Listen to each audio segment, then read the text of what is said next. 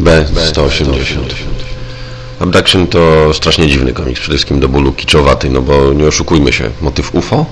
Nie mówimy tu o przybyszach z kosmosu w stylu ekspedycji według Denikena, ale o ordynarnych ufokach z jajowatymi łbami i wielgachnymi czarnymi oczyskami, którzy wsadzają ludziom rurki. Taka typowa amerykańska brednia masowej histerii. E, zdarzenie to wydaje się tak nierealne, że Batman chętnie uznałby je za majak z przemęczenia, gdyby nie fakt, że Alfred dostrzega coś bardzo dziwnego na radiogramie głowy swojego pracodawcy. Coś jakby sondę, małą metalową pamiątkę ze statku obcej rasy, niewiarygodne do prawdy. I prawdę mówiąc, po takim wstępie w zasadzie mogłoby się zdawać, że ten komiks jest już nie do uratowania. A jednak, nawet tak idiotycznie zaczęty scenariusz może mieć jakieś tam jasne punkty. E, przede wszystkim okazuje się, że być może cała ta, całe to porwanie przez UFO to wynik ekspozycji na narkotyk o nazwie kosmozyna, produkowany przez nawiedzonego proroka. Taki troszkę Zoltan, ale na bardziej poważnie.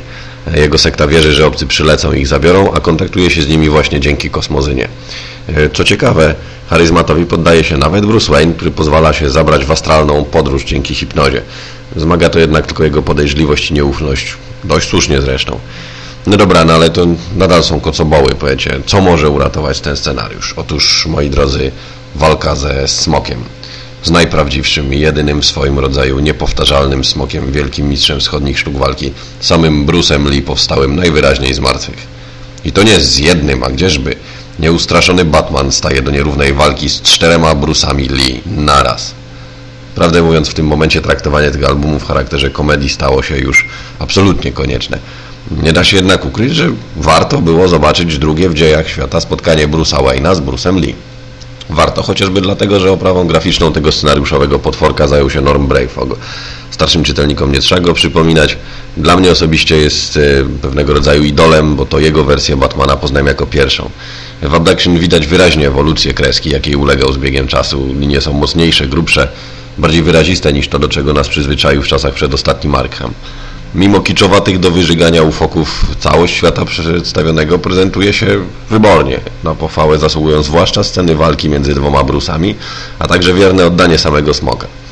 Kolorystycznie album nie robi jakiegoś specjalnego wrażenia, kasuje średniawka, ale całkiem przyzwoita. Czy warto? Yy, ja kupiłem ten komiks dla nazwiska rysownika. Na pewno warto znać go jako ciekawostkę. Być może fani Mistrza Lis zobaczą z chęcią, jakich idol kopie dubsko mojemu idolowi.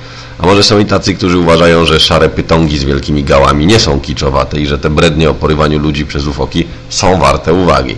No na pewno jest to komiks, w którym każdy może coś dla siebie znaleźć przy odrobinie dobrych chęci.